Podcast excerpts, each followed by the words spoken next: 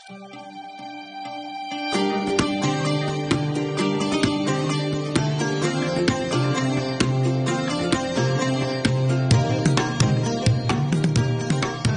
وسهلا بيكم في حلقة جديدة من بودكاست كرسي في أول صف. النهاردة عندنا ضيف جليل كان معانا في حلقة سابقة الدكتور عاطف رفاعي أستاذ علوم القرآن. الشهر اللي فات الدكتور عاطف كان معانا في حلقة عن مشكلات الحياة الزوجية بعنوان مش ملزمة مش ملزم تعالوا مع بعض نفتكر فقرات سريعة من اللي قلناه في الحلقة اللي فاتت. يروح الشقة عشان يجيب المنقولات عشان يسلمها لها ما يقدرش يخش للشقة. يبقى هي قايمة وقاعدة ونايمة على المنقولات وفي نفس الوقت شاكيه في المحكمة بقايمه المنقولات. يعني أي زوج هيبدد قيمه المنقولات الزوجية هيتحبس آه، آه، مدة آه، قد تصل إلى ثلاث سنوات وهيدفع غرامة. لما تتفرغ لتربية الأبناء ولطلبات الزوج. تطبخ له هي تطبخ لعيالها ولا ما تطبخ؟ أنا ده الطلاق العادي. طلاق المحاكم بقى زاد بنسبة 38.2 من عشرة في المية في سنة واحدة بس.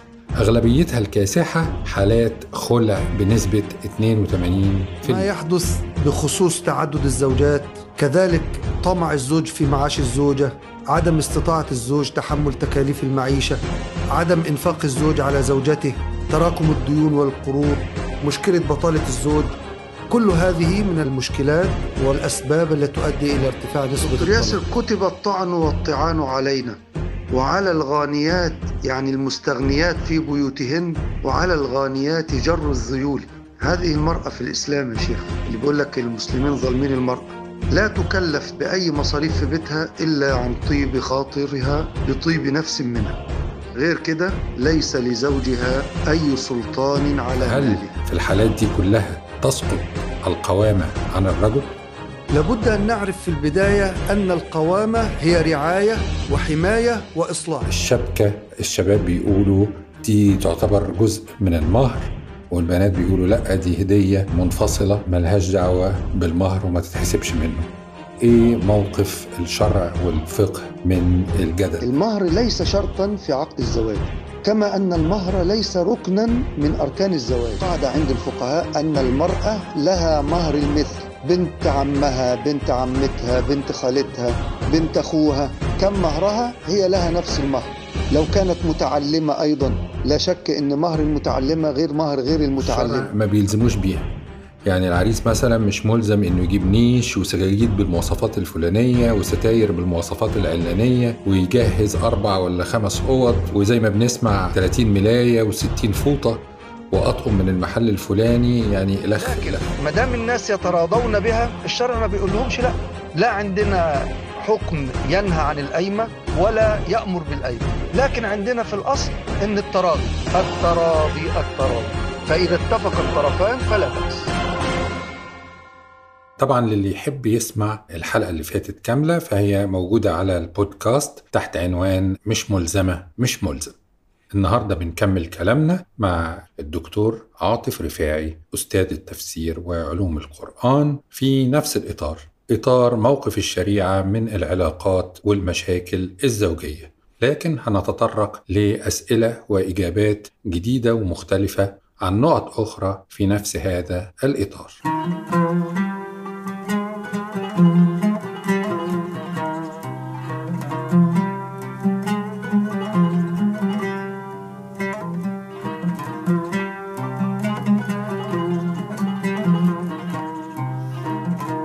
أهلا وسهلا يا دكتور عاطف. بنرحب بحضرتك معانا مرة تانية. بسم الله الرحمن الرحيم. السلام عليكم ورحمة الله وبركاته. الحمد لله والصلاة والسلام على سيدنا محمد. تغمرني السعادة في هذا اللقاء المتجدد بصحبتكم وفي ضيافة أخي العزيز دكتور ياسر نجم. وأسأل الله سبحانه وتعالى أن تكون كلماتنا نافعة تحسن وتيسر أمور إخواني وأخواتي ممن تزوجوا أو ممن هم مقبلون على الزواج ونستمع إن شاء الله تعالى إلى استفساراتكم. طيب يا دكتور عاطف بينا نبتدي مرة واحدة كده بسؤال شائك هل الزوجة مطالبة بخدمة أهل زوجها أو أم زوجها بنقرأ ونسمع على وسائل الإعلام وال social media كتير شكاوى وطلبات لفتاوى عن زوجة جوزها عايز يجبرها إن هي تخدم أهله أو تخدم أمه تحديدا. وهي ساعات بتوافق وبترضى وفي أحوال ما بترضاش فيها وهي دي الأحوال اللي بنسمع عنها في وسائل الإعلام. بتقول لك ده حمل كبير عليا وأنا مش ملزمة بيه شرعا وممكن تقول ساعات إن هو معاه فلوس يجيب لها خادمة لكن مش عايز يجيب لها خادمة عايز زوجته هي اللي تخدم أهله. وممكن ساعات الزوجة بتشتكي تقول هو عنده إخوات بنات. ليه البنات ما يخدموش أمهم وأنا اللي أخدمها؟ وساعات عنده إخوات رجالة وعندهم زوجات والزوجات التانيين مش عايزين يخدموا الأم. اشمعنى أنا اللي أخدم حماتي؟ شكاوى من هذا القبيل. عادة الزوجة اللي بتشتكي من الموضوع دوت بتقابل على وسائل التواصل بهجوم من الجمهور اللي بيعلق على المشاكل اللي من النوع ده. انت ما عندكيش اصل وانت ما عندكيش دين وحقه يطلقك واتهامات تعليقات من هذا القبيل. فعايزين نعرف بالظبط موقف الشرع من القضية دي. هل الزوجة ملزمة بخدمة أم زوجها أو أهله في أي حالة من الحالات ولا بشكل قاطع ومطلق هي مش ملزمة بده؟ الزوجة ليست ملزمة بخدمة أهل جوزها ولا رعايتهم. لكن إن هي عملت كده بطيب نفس منها فهذا شيء حسن وجميل. أحسن إلى الناس تستعبد قلوبهم فطالما استعبد الإنسان إحسانه وأسأل الله عز وجل أن يجزي كل زوجة خيرا عن زوجها. طيب ده عن خدمة أهل الزوج أو أم الزوج. ده إحنا عندنا دلوقتي كمان شيوخ بيقولوا إن هي كمان مش ملزمة حتى بخدمة الزوج نفسه. يعني حتى إحدى السيدات الفضليات من الشخصيات العامة قالت إن هي حتى مش ملزمة بإرضاع ولادها ومفروض تؤجر على تاخد أجر من زوجها على الرضاعة يعني طبعا دي مبالغات. لكن في مثلا بعض الشيوخ يعني مثلا شيخ اسمه الشيخ رمضان عبد المعز على ما أعتقد قال في حديث تلفزيوني إن ثلاثة من الأئمة الأربعة الشافعي وأبو حنيفة وابن حنبل قالوا إن هي مش ملزمة على الإطلاق بخدمة زوجها نفسه. مش بس أهل زوجها حتى زوجها نفسه مش ملزمة بخدمته. وقال شيخ رمضان برضو إن الإمام مالك فقط هو اللي تفرد ما بين الأئمة الأربعة إنها تخدمه فقط في حالة إن هو ما عندوش مقدرة مادية يجيب خادمة إنما لو عنده مقدرة مادية يجيب خادمة فكمان في رأي الإمام مالك إن هي مش ملزمة بخدمته. نحب نعرف من حضرتك موقف الشرع هل الكلام ده صحيح؟ هل فعلا الزوجة مش ملزمة لا بخدمة أهل زوجها ولا حتى بخدمة زوجها نفسه؟ حتى لا نفهم كلام العلماء بصورة خاطئة خاصة مثلا مسألة من هذه المسائل هذا نموذج يعني عليها إنه يأتي بأقوال مثلا لجمهور العلماء عن فترة من فترات الإسلام والمسلمين. كانت البيوت فيها من العبيد والإماء الشيء الكثير. لا يكاد يخلو بيت من أمة وعبد خدم في البيت. هذه واحدة. الأمر الثاني إن هذه المسائل بين الزوجين الأصل فيها الأصل فيها التراضي والعرف. ونحن قلنا أن المعروف عرفا كالمشروط شرطا. ولذلك حينما نجد كلاما لبعض العلماء في ظروف معينة هذه الظروف هي ظروف متغيرة بتغير الأيام والأعوام. يعني لو نظرت في بيوتنا الآن كم واحد فينا عنده خادم وخادمة يعني هذا مسألة بعيدة جدا وقليلة. لكن العرف الآن مستقر بلا تردد لا يجادل فيه أحد أن المرأة هي التي تقوم على رعاية بيت زوجها تطبخ لنفسها ولزوجها ولأولادها هي التي تنظف البيت. لا بأس إن كان الزوج ميسور أن تأتي لها خادمة تساعدها يوما أو يومين في الأسبوع في تنظيف البيت. كذلك في هذه الأيام انتشرت النسوة التي يطبخن في بيوتهن ويبعن هذا الطعام. فهذا كذلك مما يتعارف عليه الناس. في كثير من البيوت تتفق المرأة مع زوجها. تقول أنا يوم الثلاثاء إجازة من الطبخ أنا يوم الجمعة والسبت نهاية الأسبوع أنا إجازة من الطبخ. هذا كله يقع بالتراضي بين الزوجين. وكما قلنا من قبل العرف دليل من الأدلة الكلية للشرع. وهذا العرف في مثل هذه الأحوال يتغير. يعني كان الناس أغنياء فقال بعض العلماء أن المرأة لا يجب عليها خدمة زوجها يجب على زوجها أن يأتي لها بخادم وخادمة. هذا على حسب العرف الذي كانوا فيه. وإلا مثلا فسيدنا الإمام أبو حنيفة يقول يجب على المرأة أن تخدم زوجها.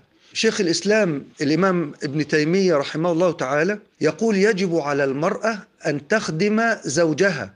وجوب. نحن لم نقل بهذا الوجوب لكن تفصيل كلام شيخ الإسلام ابن تيمية يقول يجب على المرأة أن تخدم زوجها بحسب الظروف والأعراف. فخدمة البدوية لزوجها بخلاف خدمة الحضرية التي تعيش في الحضر لزوجها. هذا كله يرجع إلى عادات الناس وإلى طرق عيشهم. فلا يمكن ابدا أن يسوى ببنات القصور وأبناء القصور وبين عامة الناس. فغالب أحوال الناس التوسط في المعيشة. فالمرأة هي التي تخدم في بيتها تخدم نفسها تخدم أولادها ثم تخدم زوجها. هي التي تفعل كل هذا عن طيب خاطر منها وهي مأجورة على ذلك. بل مثلها في الأجر مثل زوجها الذي يخرج للجهاد في سبيل الله. المرأة إذا صلت خمسها وأطاعت زوجها وأحسنت في تربية أولادها يقال لها ادخلي من أي أبواب الجنة شاءت. لكن هذا الكلام الذي يروج له في الإعلام يراد منه إخراج المرأة عن أحوالها وعن طبيعتها. يريد من النساء أن ينفجرن في هذا المجتمع المستقر بهذه الأحكام وبهذه الأعراف والتقاليد. ولا شك أن هؤلاء هم أعدى أعداء منظومة الأسرة والزواج. والله أعلم. طيب في جدل برضو على قانون الأحوال الشخصية فيما يتعلق بحق الرؤية لما بيحصل انفصال بين الزوجين والأطفال بيبقوا في كنف أو رعاية أو حضانة طرف من الطرفين اللي هو عادة الزوجة. الزوج بيبقى ليه حق رؤية ده محدد طبعا بالقانون.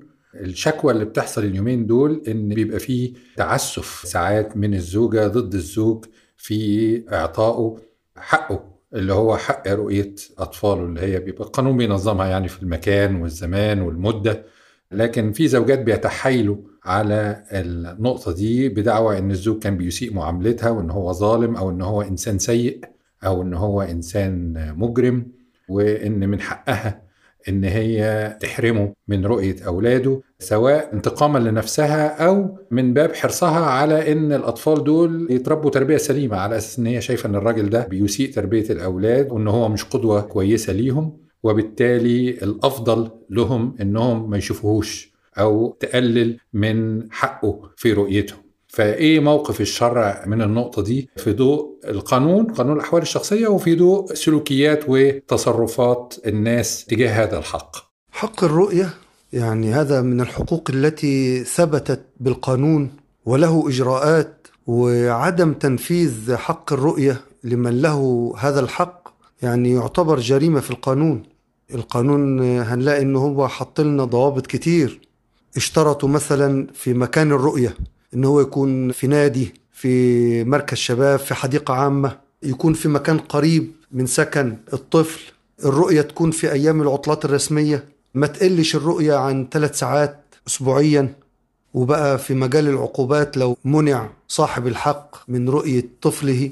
تعتبر جريمة وعليها عقوبات. وللأسف يعني هذه إحدى المآسي المترتبة على الطلاق.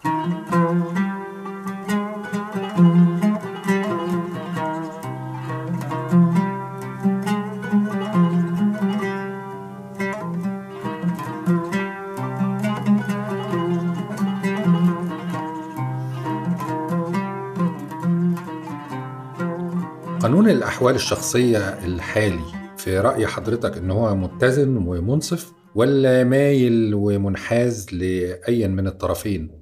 لأن الرجالة بالذات ومنهم بعض المحامين المختصين بالأحوال الشخصية بيقولوا إن القانون في الوقت الحالي منحاز أكتر للمرأة ومايل ناحية المرأة وبياخد أكتر بالآراء الفقهية اللي في صالح المرأة أكتر من الرجل وبيقولوا إن القوانين الحالية مصاغة تحت تأثير الجمعيات النسوية ومجالس حقوق المرأة واتجاه عام منحاز للستات. فهل حضرتك متفق مع الكلام ده ولا بتعتقد إنه قانون منصف وعادل ومحايد وبيدي كل طرف من الطرفين حقه؟ هذا السؤال يعني من الصعوبة والحساسية بمكان كبير.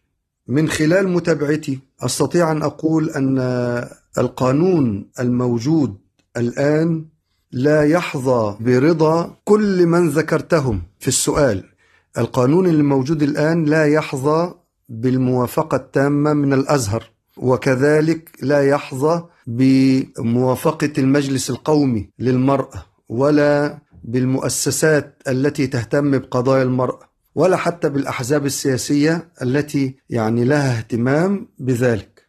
ولذلك سنجد أن الأزهر الشريف أن المجلس الأعلى أن بعض الأحزاب قدموا مشاريع للقوانين. من أهم هذه المشروعات المقدمة مشروع قانون الأحوال الشخصية الخاص بالأزهر وهذا المشروع أعدته لجنة من هيئة كبار العلماء بعد اجتماعات ولقاءات متواصلة الحمد لله الحمد لله تم إعداد مسودة هذا القانون في هيئة 110 مادة. وقانون الأزهر كما قال رجال الأزهر وكما صرح شيخ الأزهر يختلف عن غيره من حيث الصياغة من حيث المضمون ويعالج القضايا الأسرية وفق مصلحة المجتمع دون المساس بأحكام الشريعة الإسلامية. بالتوازي مع هذا القانون موجود قانون آخر مقدم من المجلس القومي للمرأة وهو جهة تقريبا حكومية على قدر علمي يعني. وفيه أيضا بعض الزيادات والمطالبات في زيادة حقوق المرأة. كما قيل إن حزب النور وحزب الأمل قالوا أيضا أنهم أعدوا قانون بحوالي 230 مادة تقريبا يعني. المجتمع المصري يتطلع بكل شغف منتظرا لخروج هذه القوانين التي قد يكون فيها الفرج يكون فيها التيسير وحل لكثير من المشكلات الأسرية. لست محاميا ولا شيء. اهتمامي في هذه المسألة ينبع من اهتمامي بالشريعة وبالأحكام الشرعية وبأن قانون الأحوال الشخصية المصري قانون مستمد كلية من أحكام الشريعة الإسلامية. نسأل الله سبحانه وتعالى أن يطبق وأن يكفل العدالة للجميع وأن يكفل حل المشاكل لجميع الأسر المصرية وغيرهم. عايزين نفصل شوية في نقطة عمل المرأة لأن أحوال الأسرة الحقيقة بتختلف كثيرا ما بين ست البيت ربة المنزل والمرأة العاملة سواء في الإنفاق سواء في الدخل توزيع المهام داخل وخارج البيت. فعايزين نحاول نحسم النقطة دي. يجوز للمرأة أن تعمل أولا ولا لأ؟ وهل تشترط موافقة الزوج على عملها؟ وإيه اللي بيترتب على عملها؟ يعني هل حقوقها وواجباتها وحقوق وواجبات الزوج بتختلف إذا نزلت المرأة للعمل مقارنة بربة المنزل أو ست البيت؟ عمل المرأة جائز للحاجة. طيب المرأة إذا اشتغلت هل يجب عليها أن تنفق؟ في مصاريف البيت تشارك في مصاريف البيت أبدا. لا تجبر المرأة على الإنفاق والمشاركة في مصاريف البيت إلا إذا هي أحبت أن تشارك فجزاها الله خيرا. وذمة المرأة المالية ذمة مستقلة ليس للزوج دخل في ذمة زوجته. حضرتك تفضلت دلوقتي وقلت إن عمل المرأة جائز للحاجة لكن في إجابة سابقة قلت إنها ما تخرجش للعمل إلا بإذن الزوج. إحنا قدام معضلة هنا. في كتير من الأحيان بيحصل طلاق بعد شوية والزوجة تلاقي نفسها بلا عائل ولا مستقبل. وفي أحيان أخرى الزوج بيسيء معاملة زوجته اللي ما بتشتغلش وبتضطر تصبر عليه لأن ملهاش مورد رزق غيره. ده غير الزوجة اللي بيتوفى زوجها وبتترمل ما إحناش حاليا زي عصور فجر الإسلام لما كانت الدولة بتتكفل بالمطلقات والأرامل. وما احناش برضو زي الدول الغربية المعاصرة اللي برضو بتتكفل بيهم. صعب ست في سن الأربعين أو الخمسين تبدأ كارير أو تبدأ تشتغل لأول مرة بعد ما تتطلق أو تترمل. ألا يصبح في هذه الحالة عمل المرأة وهي في سن صغير في هذا العصر حاجة ضرورية لتأمين مستقبلها واعتمادها على نفسها مستقبلا؟ حتى لو كان الزوج مش محتاج لعملها في الوقت الحالي ومتكفل باحتياجات البيت وهو في الحقيقة مش حابب إنها تشتغل ضد إنها تشتغل وبيقول لها أنا متكفل بيكي في كل حاجة وأي مصاريف انت عايزاها أنا هلبيها. في الوقت الحالي آه ده قائم لكن إحنا ما نضمنش نفس الزوج ده بعد عشر سنين بعد عشرين سنة هيحصل له إيه؟ ممكن لا قدر الله يتوفى ممكن يطلقها لأي سبب ممكن يتحول لشخص سيء ويعاملها بطريقة لا تحتملها.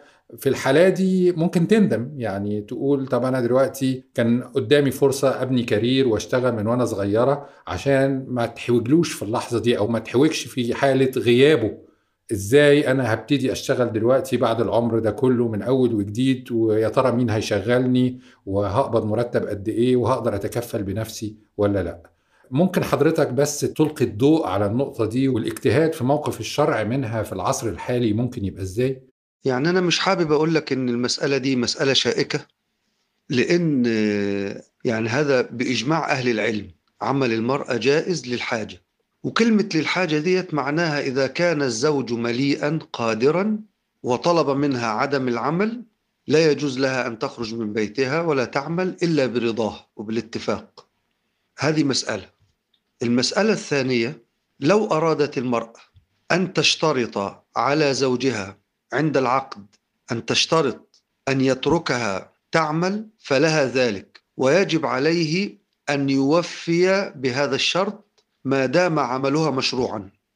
لكن دكتور ياسر في النقطة دي بالذات الذين يتكلمون بهذا المنطق يتناسون تماما هؤلاء النساء اللاتي ليس لديهن الشهادات ولا المؤهلات للعمل. إيراد هذه الحجة بنفس هذه الطريقة فيه إهمال اولا إلى أن الشرع الشرع الإسلامي يلزم الزوج بالنفقة على زوجته. المرأة التي لا زوج لها لديها أب يلزم الأب بالنفقة على ابنته. المرأة التي لا أب لها ولا زوج لها يلزم الأخ أو العم بالإنفاق عليها. فالمرأة في المجتمع المسلم لا تضيع. بل هناك في القانون. أنا أبي توفي سنة 1980 صرف لنا معاش كانت أمي تذهب لتقبضه في كل شهر.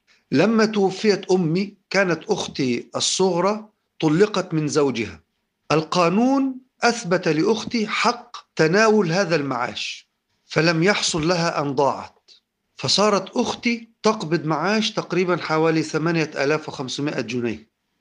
المحاججة بأن المرأة تضيع وأن المرأة إذا لم تعمل وزوجها لا يرضى بالعمل فاحتمالات الطلاق لا أنا أقول لك أن شعور المرأة بالاستغناء هذا سبب من الأسباب التي تدعوها إلى العزوف عن الزواج أو إذا تزوجت إلى التعجل والاندفاع إلى الطلاق.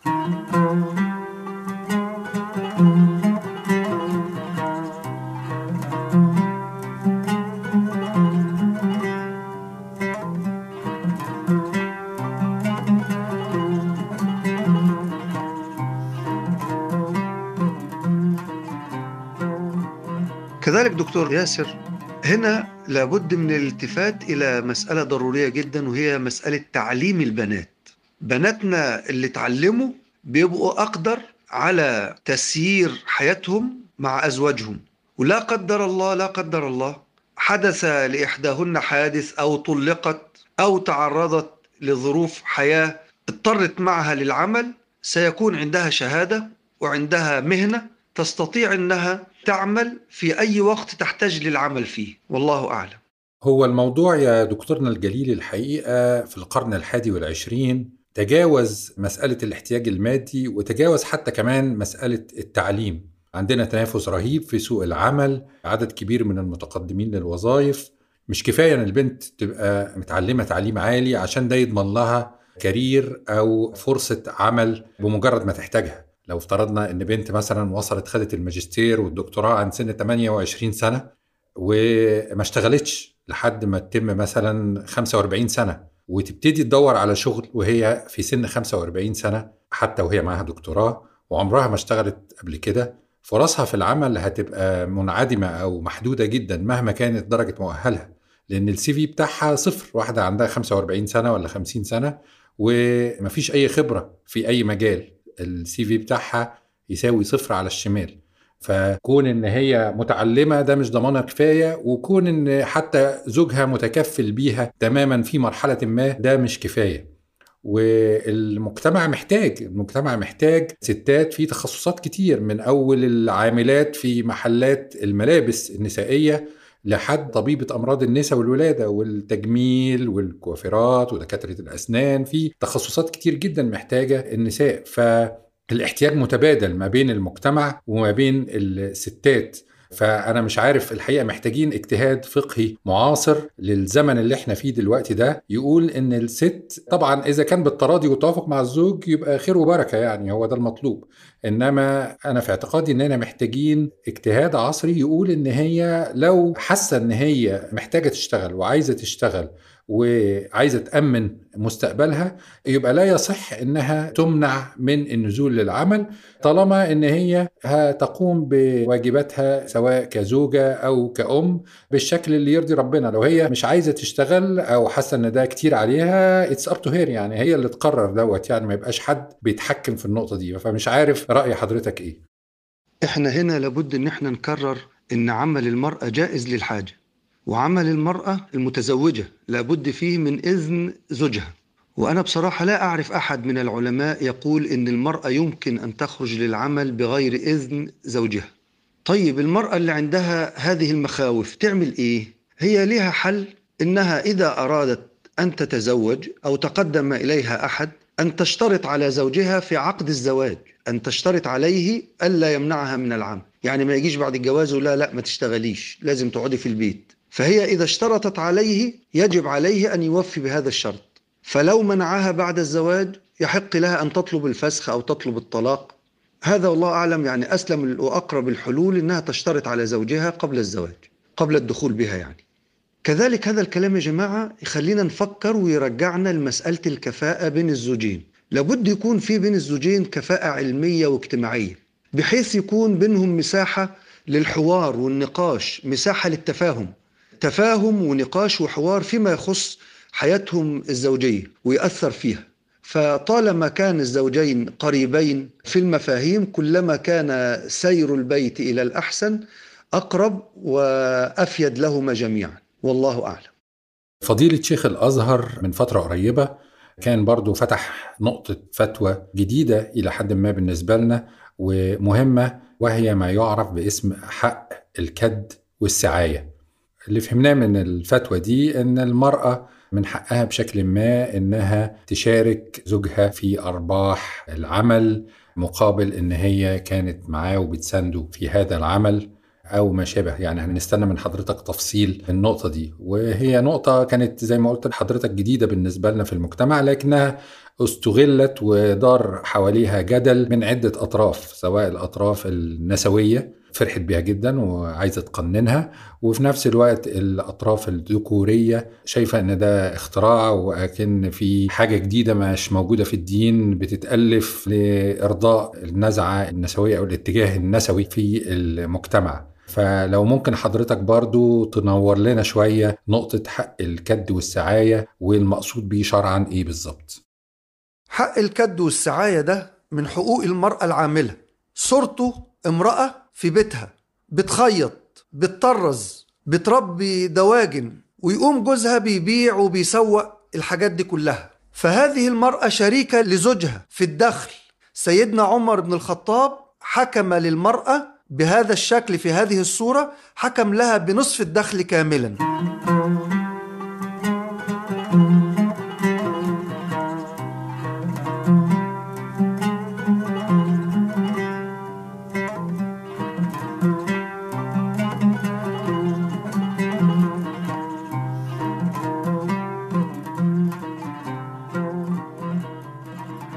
طيب في ناس فهموا إن حق الكد والسعاية ده زيه زي الدول الغربية إن ثروة الراجل تتقسم بالنص بينه وبين الست مقابل مساندتها له ووقوفها جنبه وتحمل الفقر معاه في أول حياته. مش بس في حالة إن لها نصيب في المشاركة بالعمل أو المال معه. فهل ده فهم خاطئ؟ وإذا افترضنا إن زوجة ساندت زوجها بإعانته بالمال في أعماله يعني ساعدته فعلا دفعت له نصيب في الشركة فلوس في الشركة سددت له ديون في عمله شيء من هذا القبيل. وما ادهاش نصيب مادي بقى من النجاح يعني الشركة دي اللي هي دفعت فيها فلوس فعلا ليها نصيب فيها هو بقى نجح في الشركة دي وكل عليها الفلوس بعد كده ما ادهالهاش. كيف يكون التصرف في هذه الحالة؟ عفوا دكتور ياسر هذا الفهم خطأ. المقصود الكد والسعاية المرأة العاملة التي تعمل في بيتها. كما قلنا تقوم بالخياطة تقوم بالتطريز تربي الدواجن. ماذا بعد؟ غير ذلك من الأعمال التي تقوم بها المرأة ويشترك معها الزوج يشترك معها الزوج في البيع والتسويق.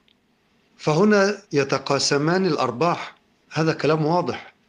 أما المرأة مجرد مكوث المرأة في بيتها كل النساء يفعلن هذا وكل النساء يساندن أزواجهن لكن لم يحكم لها الشرع بمثل هذا. حكم سيدنا عمر بن الخطاب متعلق بعمل المرأة الحقيقي بالكد. الكد والسعاية يعني واحد يسعى ويتعب. في شيء يأتي بدخل كأن المرأة شريكة لزوجها في شركة من الشركات والاثنان يشرفان على العمل يتقاسمان. لكن مجرد أنها زوجة هي لم تستحق في الكد والسعاية هذا الربح لمجرد أنها زوجة. لا هي استحقت ذلك بكدها وسعايتها. عشان برضو الحلقة ما تبقاش طويلة زيادة عن اللزوم ولنا لقاء طبعا ثالث مع حضرتك في نفس الإطار إطار العلاقات والمشاكل والخلافات والحقوق والواجبات الزوجية. آخر نقطة عايزين نتكلم فيها هي نقطة التكافؤ. التكافؤ بين الزوجين. لأن في الحلقة اللي فاتت حضرتك ذكرت من ضمن أسباب ارتفاع نسبة الطلاق عدم التكافؤ بين الزوجين. إذا كانش في تكافؤ بين الزوجين ده بيزود احتمالات عدم استمرار الحياة الزوجية ونهايتها لا قدر الله بالانفصال والطلاق. إيه هي معايير التكافؤ بين الزوجين في الإسلام؟ وهل ده بالفعل شرط مهم للزواج؟ من المسائل المهمة لضمان حياة زوجية سعيدة حياة زوجية مستقرة. لابد تكون هناك كفاءة بين الطرفين. أعظم معايير الكفاءة اللي إحنا بنعتبرها شرط في الاستقرار والسعادة الدين والاستقامة. بعد كده أي معايير تانية يمكن التغاضي عنها والتساهل فيها. يعني الغنى الفقر المستوى التعليمي. مع ذلك ننبه إلى أنه ينبغي أن نأخذ مراعاة الكفاءة بصورة مهمة. فالكفاءة الاجتماعية الكفاءة العلمية الكفاءة المادية إحنا ليه بنقول ناخد بالنا من الحاجات ديت؟ عشان ما يكونش الجواز متعلق بالعلل البشرية اللي بتظهر عند أول خلاف عند أول خلاف يعايرها أو تعايره. فهذا لا تستقيم معه الحياة الزوجية. ولذلك الاهتمام بموضوع الكفاءة يعني أمر مهم وينبغي أن نحافظ عليه لا أن نهمله. طيب في بعض الشباب بيعتبروا إن أسرة البنت آثمة إذا رفضته بسبب عدم التكافؤ المادي أو العلمي أو الاجتماعي. استنادا للحديث الشهير إذا جاءكم من ترضون دينه وخلقه فزوجوه إلا تفعلوا تكن فتنة في الأرض وفساد كبير. بيقول لك لا أنا عندي دين وعندي أخلاق خلاص لازم أتجوز وإذا ما رضيتوش بيا تبقوا مجرمين بقى بصرف النظر عن أي عنصر تاني. وشفنا يعني فعلا بوستات على ال social media لشباب بيقولوا كده بيشتموا فعلا وبينتقدوا وبيهينوا أهل البنت لأنهم رفضوا العريس اللي هو المفروض شخص متدين أو هو بيقول عن نفسه متدين بدعوى إن هم كده مفسدين في الأرض. وهم رفضوه لأنه ما فيش تكافؤ وهو مش معترف بموضوع التكافؤ دوت مش معترف إن هو المفروض يترفض لمجرد إن ما عندوش فلوس كفاية أو مش على المستوى الاجتماعي أو المستوى العلمي المناسب للبنت. إيه موقف الدين هنا؟ بالطبع هذا فهم غير صحيح لا إثم ولا بأس على من ابتغى لابنته كفؤا لها علميا واجتماعيا وماديا كما قلت إن عدم مراعاة هذه الأمور يعني يورث الخلاف والشقاق والعقد النفسية. ولا أدري هل مر عليكم أنا مر علي كثير من حالات الأزواج والزوجات خاصة الأزواج. إذا كان أقل من المرأة علميا يظل في نفسه شيء.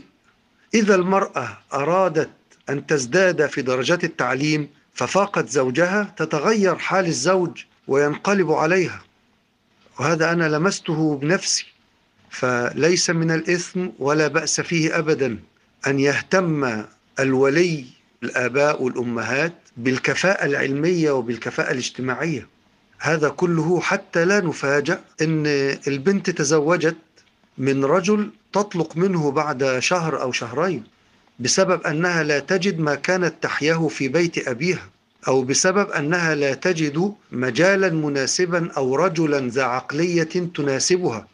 لكن لا يعني هذا الحكم بالمطلق على أن كل من لم تتحقق فيه الكفاءة أنه سوف تستحيل معه العشرة هذا ليس شأننا. لكن الشأن في ذلك أن نهتم لبناتنا في أن نجد لهن الكفؤ الذي يكافئها علميا وثقافيا بل وربما ماديا. أنا لما أزوج ابنتي وابنتي تركب سيارة وابنتي تدرس في الماجستير إخوانها مهندسون والدها كذا أمها كذا. واضح جدا أن هذه البنت بهذه التربية يعني يصعب عليها أن تنزل وأن تختار شيئا أقل وأضعف.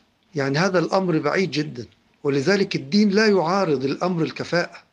لكن فقط نشدد على أن أعظم معايير الكفاءة الدين والاستقامة. بعد ذلك الأمور تدخل في القناعات الشخصية والتفضيل فقط. لكن الدين لا يعارض مسألة الاهتمام بالتكافؤ العلمي أو المادي أو الاجتماعي.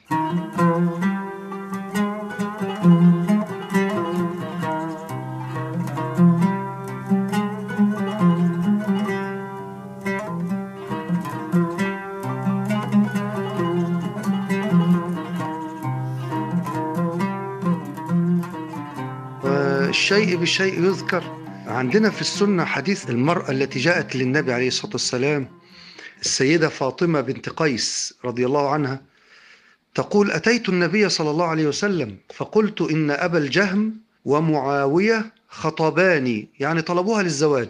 فقال رسول الله صلى الله عليه وسلم أما معاوية فصعلوك لا مال له وأما أبو الجهم فلا يضع العصا عن عاتقه. أذكر في رواية أخرى وقال تزوجي أسامة بن زيد. فهنا رفض معاوية لأنه لا مال له لأنه فقير لا يستطيع القيام بأعباء الزواج. وهذه كفاءة مالية. بنشكر حضرتك جدا على تشريفك لنا من جديد في بودكاست كرسي في أول صف. ونرجو أن الإخوة الأصدقاء متابعي البودكاست يكونوا استمتعوا واستفادوا بإجابات حضرتك على الأسئلة في مواضيع مهمة جدا وحيوية للأسرة المصرية والعربية ونرجو إن كتير من النقط تكون اتحطت فوق الحروف في هذه الموضوعات الشائكة جدا واللي دايما مسار أحاديث وجدالات وترندات على وسائل الإعلام ووسائل التواصل الاجتماعي. الحمد لله الذي بنعمته تتم الصالحات. في هذا الختام ونسأل الله عز وجل أن يحسن ختامنا أجمعين. في ختام هذه الحلقة أرجو الله سبحانه وتعالى أن يجعل ما قلناه وما سمعناه في موازين حسناتنا وأن يبارك في جميع المستمعين والمستمعات وأن يوفقنا وإياهم للعيش السعيد الرغيد. وبارك الله فيكم. والسلام عليكم ورحمة الله وبركاته. شكرا جدا ليكم كلكم على حسن استماعكم ومتابعتكم للحلقة دي ولكل الحلقات. اللي يحب يستمر في متابعة حلقات البودكاست ممكن يشترك فيها علشان تجيله تنويهات أو notifications بالحلقات الجديدة كل ما تنزل. ممكن الاشتراك يبقى على Spotify سواء الموقع أو ال application أو Google Podcast أو Apple Podcast أو أنغامي. نتقابل الأسبوع الجاي بإذن الله على كرسي في أول صف.